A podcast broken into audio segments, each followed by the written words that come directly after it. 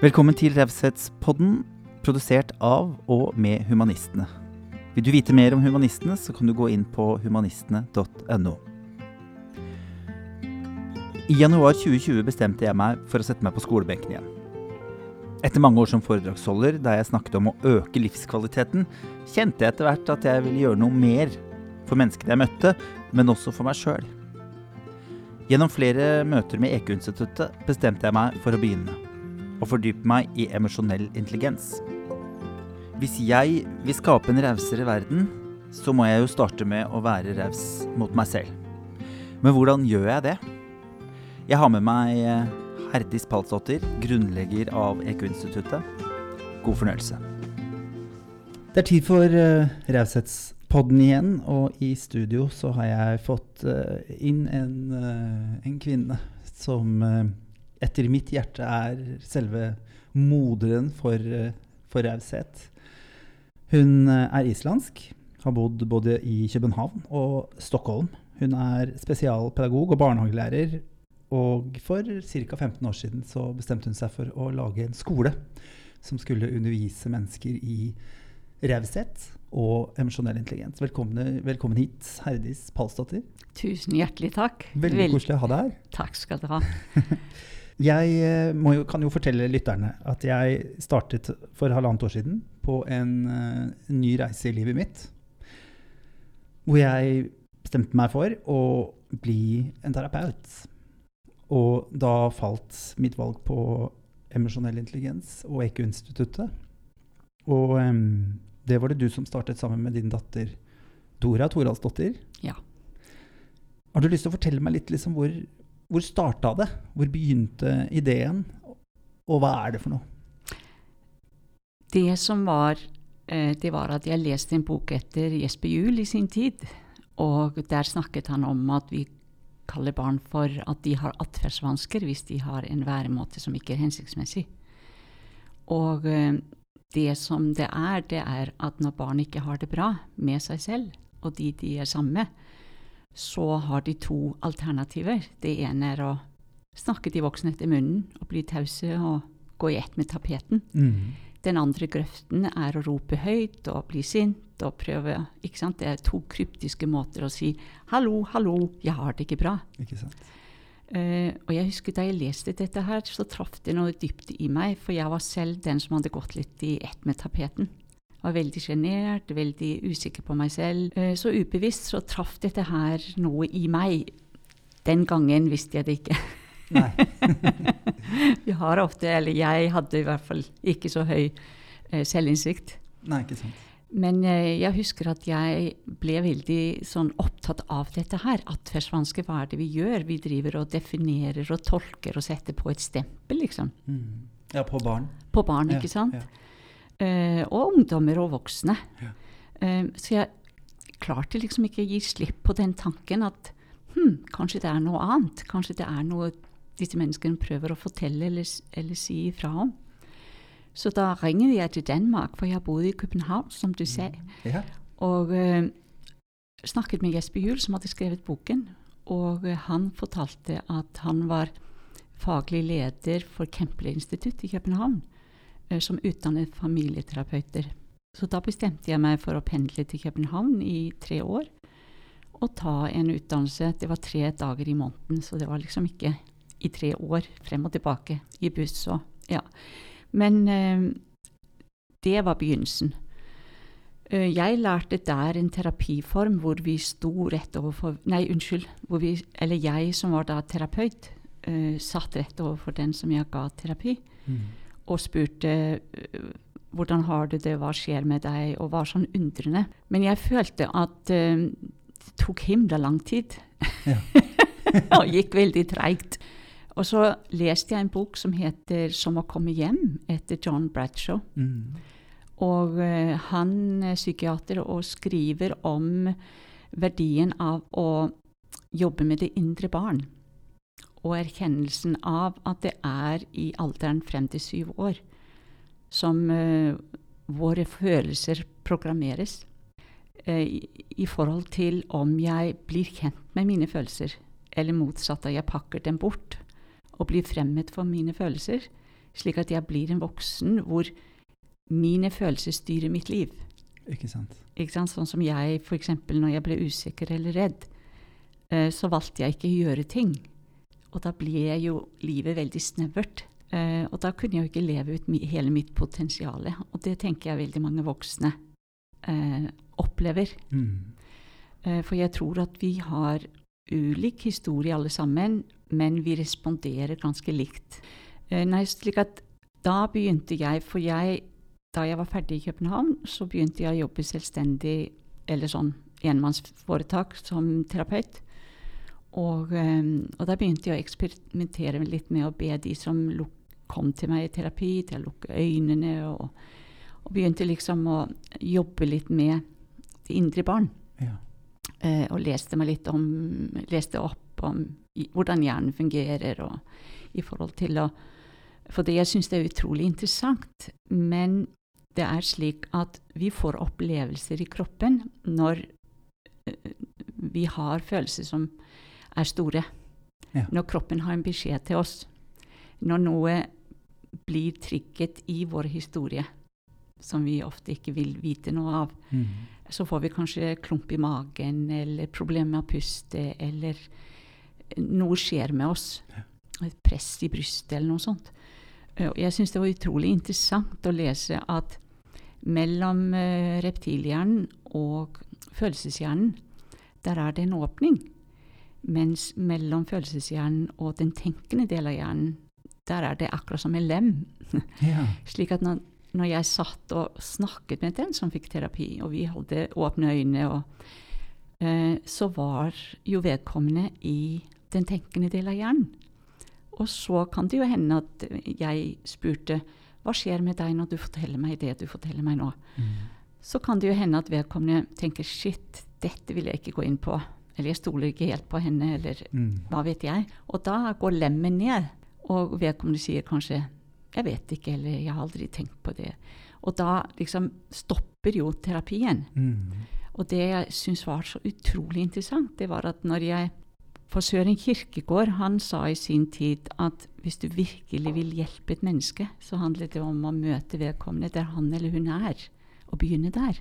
Og så tenkte jeg nå ønsker jeg at vi tar på alvor disse opplevelsene i kroppen, denne beskjeden fra kroppen, eh, og undrer oss over hvilke følelser er det som nå er blitt trigget. Eh, for det er jo gjerne følelser som vi har pakket bort da vi var barn. Slik at det er ufølte følelser som ligger i kroppen, og som ofte styrer livene våre mye mer enn det vi aner.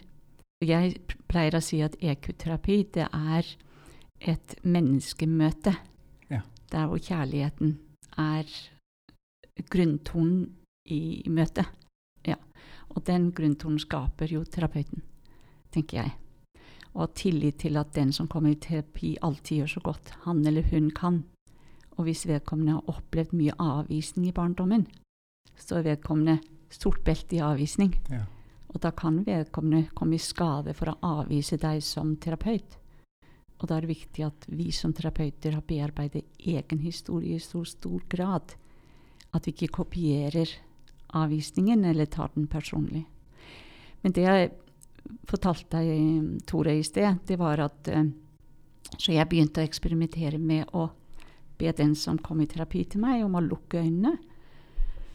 Og, eh, og så spørre eh, Og jeg, jeg har behov for å fortelle deg om noe som jeg opplevde ganske tidlig, som satte veldig dype spor hos meg. Gjør gjerne det. Takk. Det var en eh, dame som kom til meg, som hadde fått eh, diagnosen ME. Og hun hadde da kommet i terapi, og jeg visste at det kostet henne mye å bare være der fysisk. Um, og så satte hun seg i stolen, og så satte jeg meg ved siden av For det er jo det vi også gjør som ekoterapeuter. Det er at jeg som terapeut holder en hånd på ryggen og en på overarmen. Og det er fordi at når et annet menneske tar på oss, eller vi selv F.eks. hvis du sånn eh, stryker deg over lårene når du sitter der, så aktiverer du et hormon som heter oksytocin, og det virker beroligende på oss. Og jeg tenker at når vi inviterer et menneske inn i noe som vedkommende har pakket bort av gode grunner den gangen, så er det å få en liten boost av oksytocin med på å hjelpe vedkommende i prosessen. Pluss at det er ofte slik at når det har vært vonde ting som har skjedd, så har vi følt oss alene, avvist. Um, ikke sant? Og da å vite at her er det et menneske som vil meg vel, som holder meg på ryggen og på overarmen. Og da holdt jeg henne der, og så sa jeg til henne dette handler ikke om å prestere. Nå vil jeg at du tar deg selv på alvor. Og jeg glemmer aldri på det som skjedde, det var at hun satt helt stille en stund, og så snudde hun hodet langsomt mot meg og så meg inn i øynene og sa ingenting på en stund. Og så sa hun Det har ingen sagt til meg før. Og der var jo nøkkelen.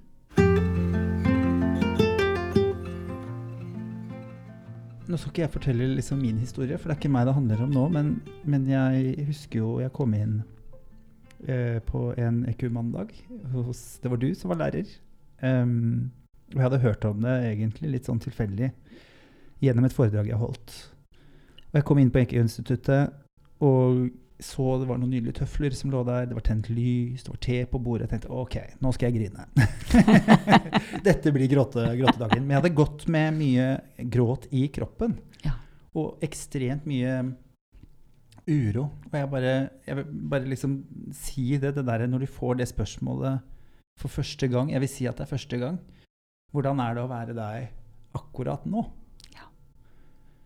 Hvor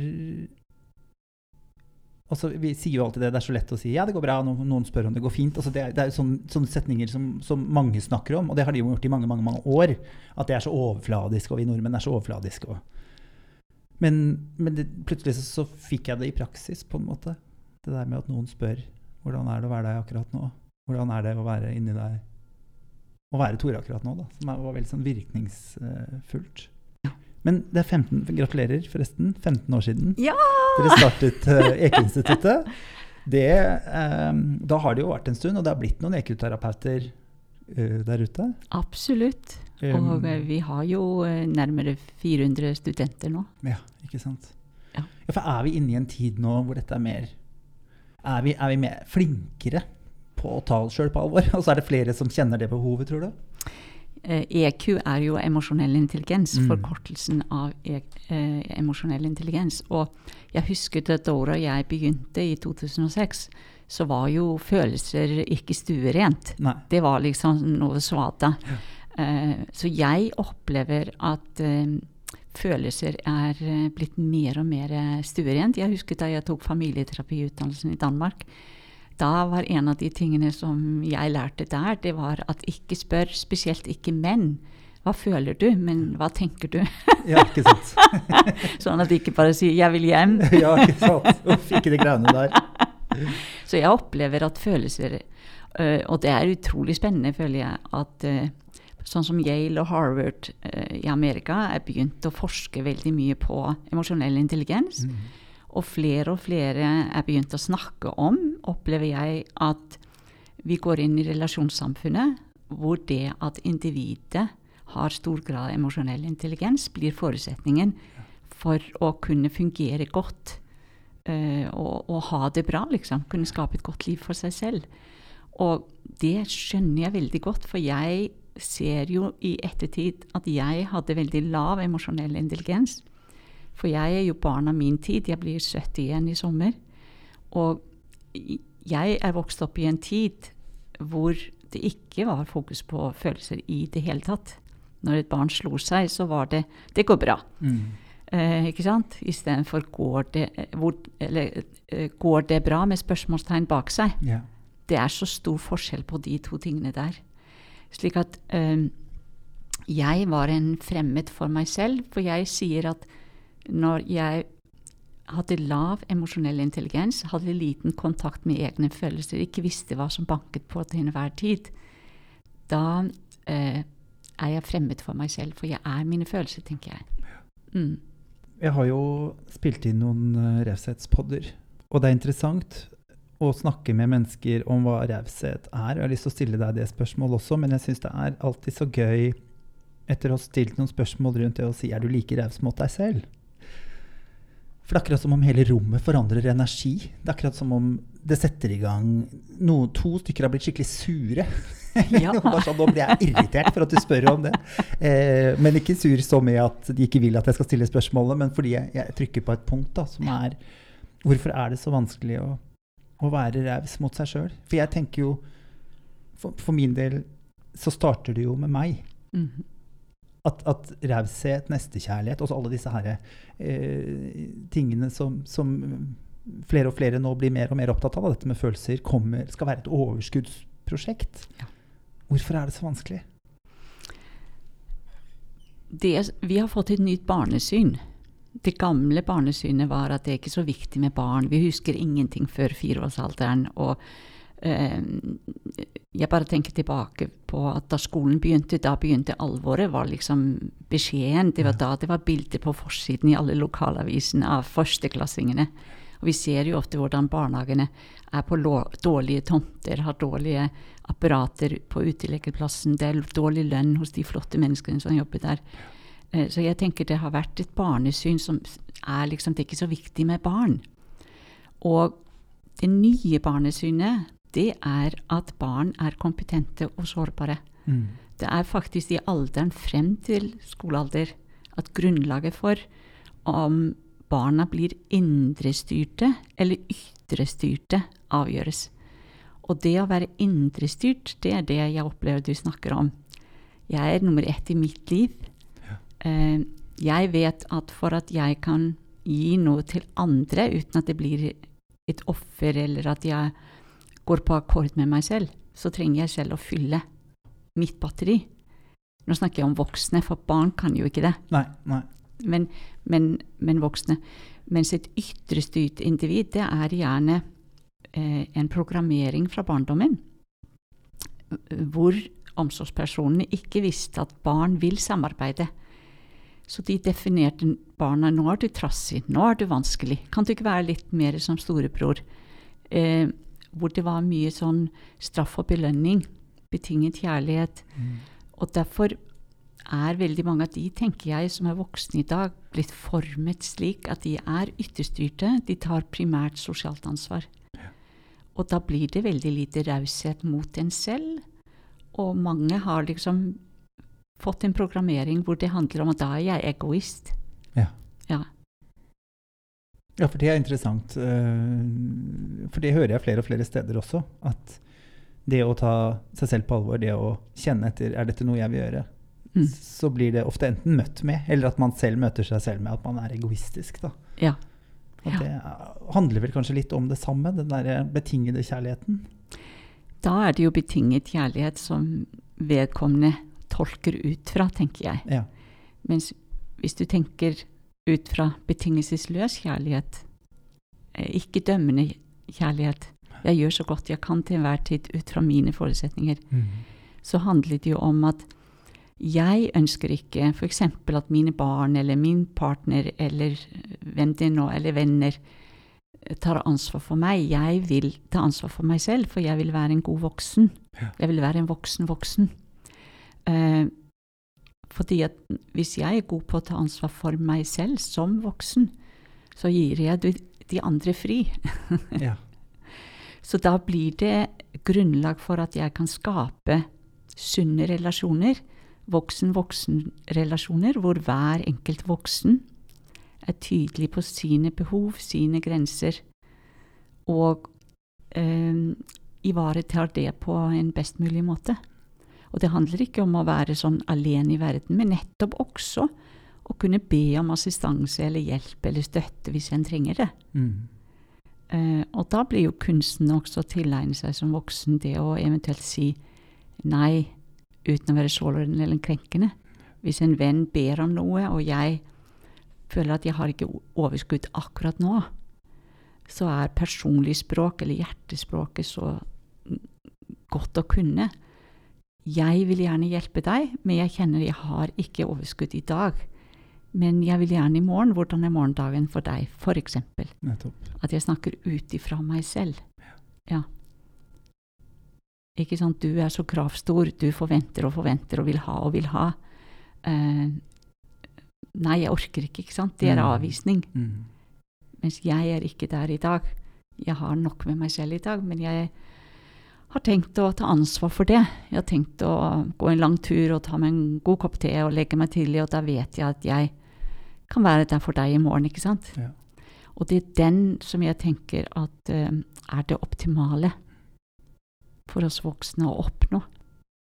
Jeg leste en psykolog som eh, skrev på psykolog psykologi.no, som jeg syns er interessant. Og følge litt, hvor det sto 'slutt å oppdra barna, oppdra deg selv'. Ja. Uh, Og det er jo litt det, er jo litt det du, du snakker om nå. At, eh, for jeg er jo opplever kanskje at mange foreldre er veldig opptatt av at de ville gjort hva som helst for barna sine. Men når det kommer til det vi snakker om nå, det der med å ta seg selv på alvor, det der med å lære barna gjennom å gjøre, da. Ja.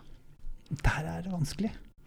Så jeg tenker at den største gaven du som forelder kan gi ditt barn, det er at du tar godt vare på deg selv og skaper et godt liv for deg selv. For da kan barna være barn. Mm.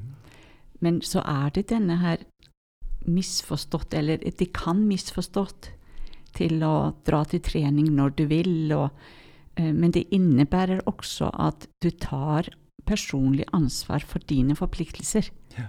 Hvis jeg har Ja, for det skal ikke være sånn at du bare skyver alt til side og sier 'mor må på yoga', så Ja. barna får lage seg mat sjøl. Det, er ikke- det er ikke dit vi skal. Nei, det er noe med at jeg er en voksen, jeg har tatt et valg, jeg har valgt å få barn, og da er det min plikt å, å stille opp for dem de årene hvor de virkelig trenger meg. Slik at de kan bli indrestyrte voksne individer som blir i stand til å leve ut sitt liv på den måten som er riktig for dem. Mm. For jeg ser jo på mitt eget liv, liksom. Jeg har arbeiderforeldre som jeg opplever har stått med lua i handa veldig mye av livet. Og det er jo kanskje det punktet hvor jeg kjenner at jeg må jobbe mest. da. Det der med å ikke stå med lua i handa. Ikke si ja, men det går fint, jeg tar smulene. Ja. Og, men, jeg, men jeg har lyst til å eh, gjenta en ting du sa i stad, for du sier at følelsene Hvordan du på en måte møter dine egne følelser, baserer, eller skapes de første syv leveårene. For jeg så har kanskje vokst litt opp med at barn skal være flate og ligge i perm, og så de skulle ses og ikke høres. at, at, ja, at, man ikke, at, man, at barn hele tiden skulle tilpasse seg eh, de voksnes verden, på en måte. Da. At, hvor viktig det er at, at disse små menneskene, disse små voksne, holdt jeg på å si, også får sin plass. Um, I bøkene dine Du har gitt ut tre bøker. Jeg har gitt ut seks bøker, Seks bøker. Ja. men tre er om temaet som vi snakker om nå. ja, ikke sant. Ja. Relasjoner med barn. Relasjoner. Som jeg møter meg selv, slik møter jeg også andre, er undertittelen. Ja. Og den undervurderte bar barndommen. Yes. Du snakker mye om voksen, voksen og voksent barn. Er det mange barn, voksne barn, eh, som får barn? Jeg vil gjerne si at når jeg snakker om voksne voksne og voksne barn, så er det ikke for å være nedlatende. Nei. For det tenker jeg er utrolig viktig å presisere. Ja.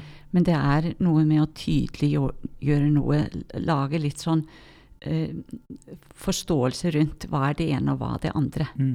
Og veldig kort eh, fortalt sånn i overskrifter, så vil en voksen voksen være en som er i stor grad indrestyrt. Det vil si at det er ikke følelsen som styrer vedkommendes liv, men vedkommende evner å møte egne følelser på en hensiktsmessig måte, og, og slik at, at vedkommende er herre i eget hus. Mm. Mens et voksent barn, eh, der var jeg i mange, mange år. Ja. Hvor jeg var ytterstyrt, og det var den andre som var problemet. Ja. Og eh, hvor jeg benyttet f.eks. Eh, sånn eh, å straffe med hevn, eh, aksjoner, taushetsstraff eh, f.eks. Mm. Hvis jeg opplevde at noen var eh, slemme mot meg, så kunne jeg prestere å bli taus. Og så lurte jeg på mm, var jeg ferdig med å være sint til, ikke sant? Alle disse greiene jeg holdt på med. Sånn drama. Mm. Og jeg vil påstå at det dessverre er veldig mange voksne barn fordi vi har latt utvikling av emosjonell intelligens, eller EQ om du vil, eh, vi har overlatt det til tilfeldighetene. Nettopp. Så der, og Derfor har vi på EQ institutt eh, startet med noe som vi kaller for EQ-barnehager. Ja. Det er eksisterende barnehager som sender et visst prosentandel av sine ansatte til eh, EQ institutt for å ta noe som vi kaller for EQ-kompetanse. Slik at de voksne i barnehagen, i hvert fall en viss prosentandel, får økt emosjonell intelligens. Slik at den voksne kan være en god rollemodell for barna. For voksne kan jo ikke lære barn noe de ikke selv behersker, av gode grunner, fordi at det har ikke vært fokus på disse tingene. Nei. Så jeg syns det er en utrolig spennende tid vi er i nå, hvor vi ser at verden blir mindre. Eh, landegrenser viskes mer og mer ut. Vi får informasjoner fra hele verden. Eh, sosiale medier åpner opp at, for at kollegaer bor i India eller i Canada. Mm. Vi, vi lever i en verden hvor vi anerkjenner mye mer ulike religioner og legninger og hva det måtte være, og samarbeider og, og ønsker å jobber i prosjekter og i nettverk og i kortere og lengre tid. Og da blir dette her med relasjonskompetanse utrolig viktig.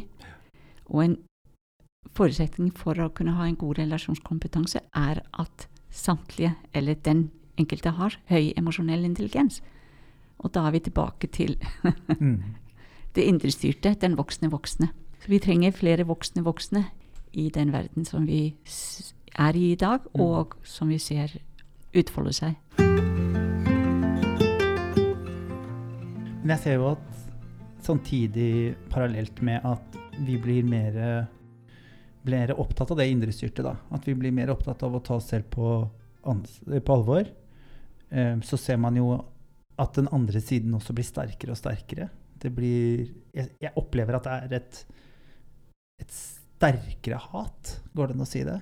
Mm. Uh, det har vært uh, pride-måned, f.eks. Uh, hvor, har du noen tanker om det? Hvor kommer liksom hva, hva er årsaken til at noen kjenner på så enormt mye frykt, så mye hat? Mm. Jeg tenker at for å lage igjen enkle kategorier og gjøre noe som er ganske stort og, og, og uforståelig, og man kan fort gå seg bort, litt mer tilgjengelig så Store spørsmål. Ja, Ja. det er fint hvis du forenkler litt. takk skal du ha. Og så vet jeg ikke om min definisjon er den eneste riktige, men sånn tenker jeg i dag, for jeg tror alle sannheter går ut på dato før eller siden. Men jeg tenker at den optimale, den voksne voksne, tar stor grad av personlig ansvar. Ja. Så har du det voksne barnet som vi snakket om, som Og det eh, er jo det barnet som Når du Når kjæresten din glemmer å ta med en Pepsi Max, og du blir tre år gammel altså, ja. Bare for å forklare det. At vi fort kan bli det lille barnet igjen. Da. Ja, ikke sant. Ja, Slik at du, du, er, du er i en voksen kropp, Mm. og er voksen av og til. Mm. Men spesielt hvis det er mennesker som er viktige for deg, så svopp, så ble du tre år. Ja, Ja. ja. Mamma, altså. Og da, eh, da er du i verden hvor du tar primært sosialt ansvar. Ja. Så har du den tredje gruppen, tenker jeg, hvor du har utviklet deg til å bli det vi kaller for en egoist. Ja. Og så blir det ulike grader av egoisten som er kronisk i offertenkningen. Det er alle andres feil. Ja. Og, og hvis vi tenker egoisten som er kronisk i offerrollen, i ytterste konsekvens, så har du disse monstrene. Jeg kaller dem det. Ja. Og jeg er helt enig med deg. Jeg syns vi ser dem mange steder. I nettroll og Mm. Ja. Mm. Og det er fortvilende, for jeg tenker at de er ikke blitt sett da de var barn. Nei. Og jeg har bare lyst til å skyte inn her at uh, det er en journalist jeg kjenner, som er i kontakt med Det er, jeg tror jeg, Hvis jeg husker riktig, hun snakket om at det er ti sånne mobbeombud i Norge. Mm. Stemmer det. Og det var en av disse mobbeombudene som sa til henne at hun hadde fått en sak inn på bordet, og det er at det er en ba, et barn, en gutt, i en barnehage i dag, i 2021, 21, um, som er slem med Marius. Jeg sier Marius her, for å, men personalet kaller han for slemme Marius. Ja, ikke sant. Og jeg tenker at han kommer fra et hjem med ressurssvake foreldre eh, og har kopiert dem. Og kanskje de avviser ham mye, for det er det de har lært der de kommer fra. Det er Mm. det de kan. Ja. Så avviser de gutten mye. Og så kommer han i barnehagen og avviser de voksne, og så har vi voksne barn der Mm. som kopierer han og tar det personlig. Sånne barn har jo ikke en sjanse. Og de kan utvikle seg til det som er et monster, eller en som er egoist, gir faen, Ja. eh, er kronisk i offertenkningen, og har pakket alle følelser under et, et lokk, et, et stållokk, Ja. Mm. og satt en skikkelig eh, lås på, for det gjør så vondt, vondt gang på gang på gang, mange ganger om dagen, ikke sant? Det er jo forståelig. Ja. Og når en har pakket følelsen så langt vekk, så blir en farlig som voksen. Ja. For da er en ikke i kontakt med empatien, eh, medlidenheten en, en, en har liksom ikke det kapitlet med seg. Men er ikke dette et samfunnsansvar? Jo, det er derfor jeg brenner for EQ-barnehager. Og jeg brenner for at vi får ut dette budskapet. For vi kan ikke fortsette sånn som vi gjør. For slemme Marius, jeg vet hvilken vei det går. Ja. Enten så går han i den ene grøften jeg snakket om i sted. ikke sant? Mm. At han gir faen. Og, og hyler og skriker og Ja. Eller han eh, ja, ligger på gata og Ja. Mm. Mm. og ikke har det bra. Ja. Uansett så får han Jeg tenker, sånne barn har, får jo ikke en sjanse. Og det er derfor jeg er så opptatt av den ene. Vi vet jo at hvis det finnes én person som har tillit til at du gjør så godt du kan da du var barn, eh, så kan det være mer enn nok til å hjelpe vedkommende til å få tak på kjærligheten. For jeg tenker at vi er alle kjærlighet. Eh, men så har vi opplevd ting i livet Mm. som gjør at vi har kopiert avvisning. Og når jeg avviser andre, så avviser jeg også meg selv. Ja, nettopp. Og da eh, blir det veldig tungt å være i verden, og så blir en hardere og hardere og hardere. Mm. Men vi vet vi har, vi har, Det jo, fins jo mye forskning og mye informasjon om norske fengsler, f.eks. At det er noen fellesnevnere hos de som tar dårlige valg. Jeg sier jo alltid at barn som tar dårlige valg, eller dumme valg, er ikke dumme. De bare Mm. lærte aldri å ta gode valg. Mm. Um, hvorfor er det så vanskelig for oss å, å bruke den informasjonen til noe? Jeg opplever at vi har hatt et samfunn hvor vi har møtt uhensiktsmessig væremåte, enten Mm. det er fra voksne eller barn eller ungdommer, med straff. Ja. Jeg opplever vi er på vei inn til noe annet. Eh, og jeg opplever at det er et ønske om noe annet. Vi har ikke funnet formen. Jeg føler at vi er litt sånn i overgangsfase. Ja. Eh, det var et program på NRK for ca. ett og et halvt år siden eh, som het Gruppeterapi for mordere. Amerikansk program. Og jeg syns det var utrolig spennende, fordi jeg opplevde at de jobbet på en veldig sånn tilsvarende måte som vi gjør på EQ institutt. Mm. Og anerkjenne og respektere og raushet. Ja. og ønske om å forstå. Betingelsesløs kjærlighet i praksis, det er å undre seg. Det er å stille hva og hvordan-spørsmål. Ikke hvorfor, for hvorfor er det sånt? Jeg vil ha en forklaring her. Oppleves ofte som avvisning. Hvorfor-spørsmål. Um, men jeg opplevde det var utrolig spennende å følge det programmet, for det var en serie på noen programmer. Og eh, de eh, fengselsfuglene, hvis vi kan kalle dem det, hadde alle sammen opplevd en barndom som var massivt omsorgssvikt. Ja, ikke sant. Ja. Ja, Hva, hva, er omsorgssvikt?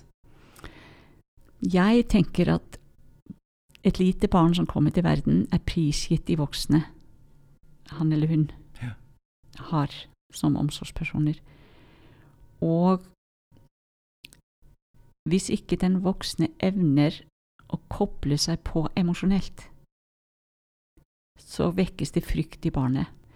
Jeg hadde en terapi på en mann som så på seg selv på stellebordet, eh, og det kom en gråt med ekke. Eh, gammel sorg som kom opp. Ja. For den lille gutten, eller han selv da, da han var liten, Mm. var så livredd, for det var faren hans som stelte han. Og han var som en robot. Og et lite barn som ikke ble møtt på følelsene, ikke ble lest, ikke blir ivaretatt i forhold til når barnet prøver å si ifra. Mm. Uh, da kommer frykten. Uh, slik at eh, Og så blir det jo ulike Nå, nå har jeg glemt spørsmålet, Tore. Ja. sånn er det noen ganger. Man snakker seg rundt. Nei, eh, hva er omsorgssvikt? Ja, takk! Du er ikke dårlig, du å følger med. Ja, da, da gjør det. Få med meg. Det er spennende, vet du. Altså, jeg tenker at eh, omsorgssvikt, det kan jo være eh, I gamle dager så trodde vi at hvis barn fikk mat og klær og tak over hodet, så var alt bra. Mm. Og hvis ikke de fikk dette her, så var det omsorgssvikt. Ja. det er også omsorgssvikt. ja, den praktiske omsorgssvikten. Ja. Ja. Men jeg tenker i dag mye mer at vi trenger å erkjenne at følelsesmessig eh, tilkobling eh, eh, er omsorgssvikt. Eh, fordi at det er et uttrykk som heter 'jeg blir meg gjennom deg'. Eh, et barn som f.eks. ligger på stellebordet og eh, gir fra seg en sånn klynkelyd når mor eller far driver og smører en salve på en veldig sår rumpe, f.eks. Mm. Og en mor eller far som da sier 'Oi, lille venn, gjør det vondt?' 'Oi, nå vil jeg gjøre det veldig varsomt.' Selv om ikke barnet forstår hva den voksne sier, så føler barnet seg ivaretatt. For det er noe med hvordan jeg har det inni meg, og lydnivå, hele tilstedeværelsen eh, forteller meg at jeg er ikke alene. Ja. Og så er det gull for barna å ha voksne som setter ord på det de ser, det de opplever eh, av følelser og, og beskjeder og grenser. Fordi at det er et barn som er sammen med en voksen som sier f.eks.: 'Oi, gjør det vondt?' 'Å, det er litt rødt her.' Eh, og, og så bli, er det ikke unntaket med regelen at barnet blir møtt på en slik måte. Et slikt barn får et veldig rikt vokabular Mm. på følelser og hvordan det har det. Og jeg syns det var så nydelig, men jeg kjenner en som jobber i eh, en barnehage, og hun har jobbet med disse tingene som vi snakker om nå. Um, eh, og eh, hun har selv et barn som er litt over tre år. Eller hun nærmer seg vel fire. Men i hvert fall så var hun ikke helt i form en dag hun skulle i barnehagen. Og eh, så satt hun på fanget til en eh, barnehagemedarbeider, og moren, moren hennes sa til henne 'Jeg vil gjerne gå. Kan jeg få en klem før jeg går?' Og så sier denne treåringen 'Ikke, ak ikke akkurat nå. Jeg er opptatt av å være lei meg.' Ikke sant?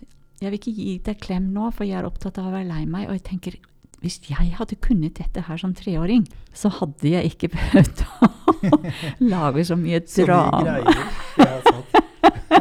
Da hadde livet vært litt mer sånn, ja, lettere på mange måter. Eh, Men samtidig så er jeg takknemlig for den barndommen jeg fikk, fordi at jeg vet at jeg hadde aldri interessert meg for de tingene jeg brenner for, Nei.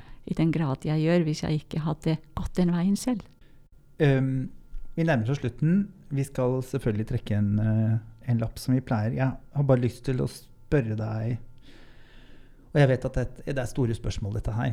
Um, og dette handler jo om raushet i praksis for meg. Jeg syns vi er flinke til å vise eh, eller tenke at vi skal være rause. At vi har mange tanker om hva som vil si å være raus, og hvor viktig det er, og hele den pakka der. Men jeg har jo Jeg leser jo en del bøker. Jeg har bl.a. lest dine bøker. Og eh, Noen venner blir litt sånn fortvila når jeg snakker, eller når jeg gir dem en bok i bursdag, eller noe sånt, for de sier ja, dette høres jo veldig fint ut, bli glad i deg sjøl. Har du en sånn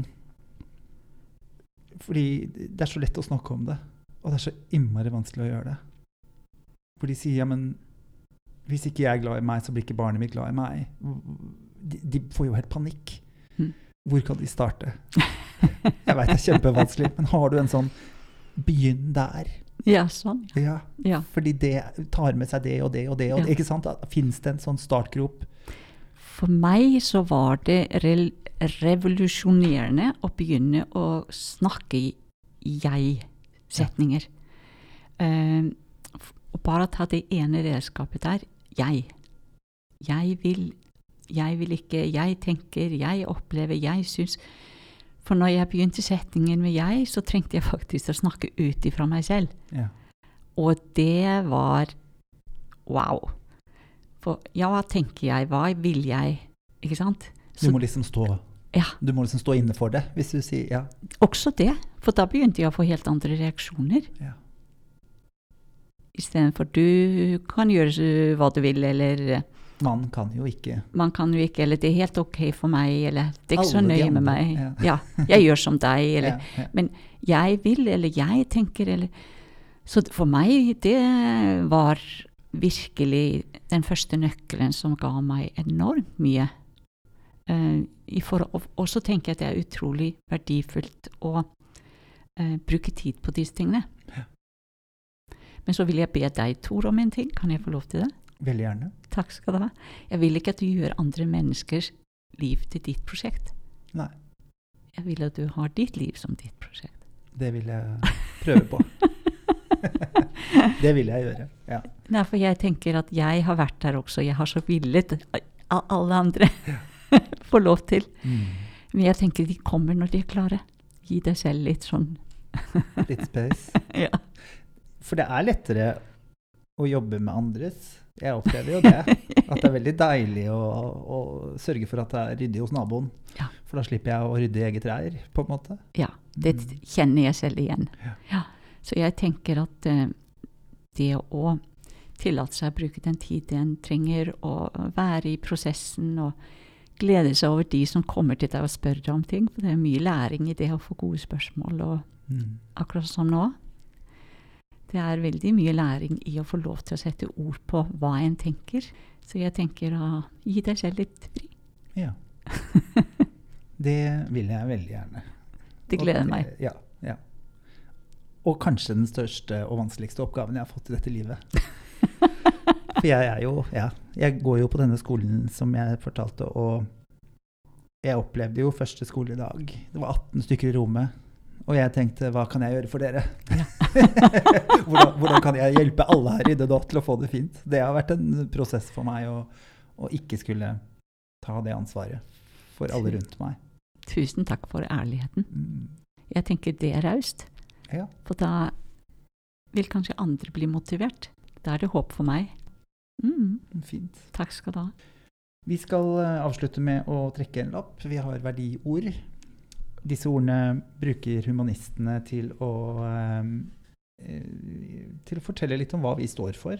Eh, tankene våre rundt, eh, rundt ting. Hente på en måte verdiene våre fra, fra det. Hvilket ord fikk du? Integritet. Integritet. Ja.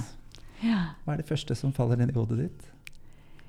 Integritet det er ikke et ord jeg bruker selv så ofte. Nei. Kan jeg be deg om å definere det først? Ja, det kan jeg gjøre. Stå for det jeg mener er riktig. Tro mot våre idealer og etterleve verdier. Holde avtaler, verdsette utfordringer og utøve rettferdighet. Mm. Det er i hvert fall vår definisjon. Ganske stort. Ja, det er ganske stort. Ja. Jeg har snakket en del i dag om det å være indrestyrt. Mm. Uh, og jeg tenker at det er en forutsetning for å virkelig kunne leve etter de definisjonene du leste opp nå. Mm. For det å være indrestyrt, det er jo å ta seg selv på alvor. Og da blir jo en del av det også mine verdier, for jeg tror at det er utrolig viktig for et, en voksen person å definere for seg selv hvilke verdier har jeg. For jeg tror at eh, når du har en klart definert verdi som du ønsker å, å leve etter, og det kan forandre seg eh, etter hvor du er i livet eh, Men jeg tenker at den som ikke har en klart definert verdi, og, og, og som en sånn lederstjerne, for vedkommende blir ingen vei den rette, på en måte. For du vet jo ikke hvor du vil. Man blir liksom løpende rundt i, i blinde, holdt jeg på å si. Ja. Mm. Så jeg tenker når du snakker om kanskje et godt råd, så tenker jeg å begynne med jeg først i setningen, sånn som jeg sa. Mm. Men også gjerne at du definerer for deg hvilken verdi ønsker jeg å leve etter? Hva er viktig for meg her i livet? Og for meg så har betingelsesløs kjærlighet vært eh, en verdi som jeg ønsker å gi meg selv, og brenne for å kunne møte andre medmennesker med. For jeg tror virkelig at alle gjør så godt de kan til enhver tid ut fra sine forutsetninger. Og hvis jeg evner å møte mine medmennesker med den verdien og det menneskesynet, og jeg vil være ærlig om at jeg ikke alltid jeg får det til, Nei. for jeg er jo et menneske. Men at når jeg ikke får det til, at jeg da flytter fokus innover og jobber med hva handler dette om, hva er dette for noe? Mm. Hvilke sannheter er, det f.eks., eller overbevisninger, som jeg har, som gjør at jeg dømmer så hardt, eller ikke vil anerkjenne? Eller hvilke ufølte følelser eventuelt? Mm. Ja. Så jeg syns dette her ordet er eh, fantastisk at dere har med, men jeg tenker at for min del hadde det vært fint å ha det definert. For det er ikke et ord jeg bruker selv. Jeg merker noen ganger at jeg er islending. Ja, ikke Ja. sant. Det er ikke alle ord som uh, Jeg liker eh, Som jeg har liksom i mitt vokabular. Nei. Nei. Så tusen takk. Jo, vær så god. Og tusen, tusen takk for at du ville besøke Revsetspodden. Takk for at jeg fikk lov til å komme, Tore. Du, det var veldig hyggelig. Vi i Humanistene jobber for å smitte folk med raushet. Skape et rausere samfunn. Og jeg håper veldig at gjennom eh, denne fine praten vi hadde nå, at vi kunne gi noen, noen steg mot et rausere samfunn. Tusen takk for at du kom. Vær så god. Takk skal du ha. Du har nå hørt på Raushetspodden, en podkast produsert av og med Humanistene. Hvis du vil vite mer om Humanistene, kan du gå inn på humanistene.no. Takk for at du hørte på.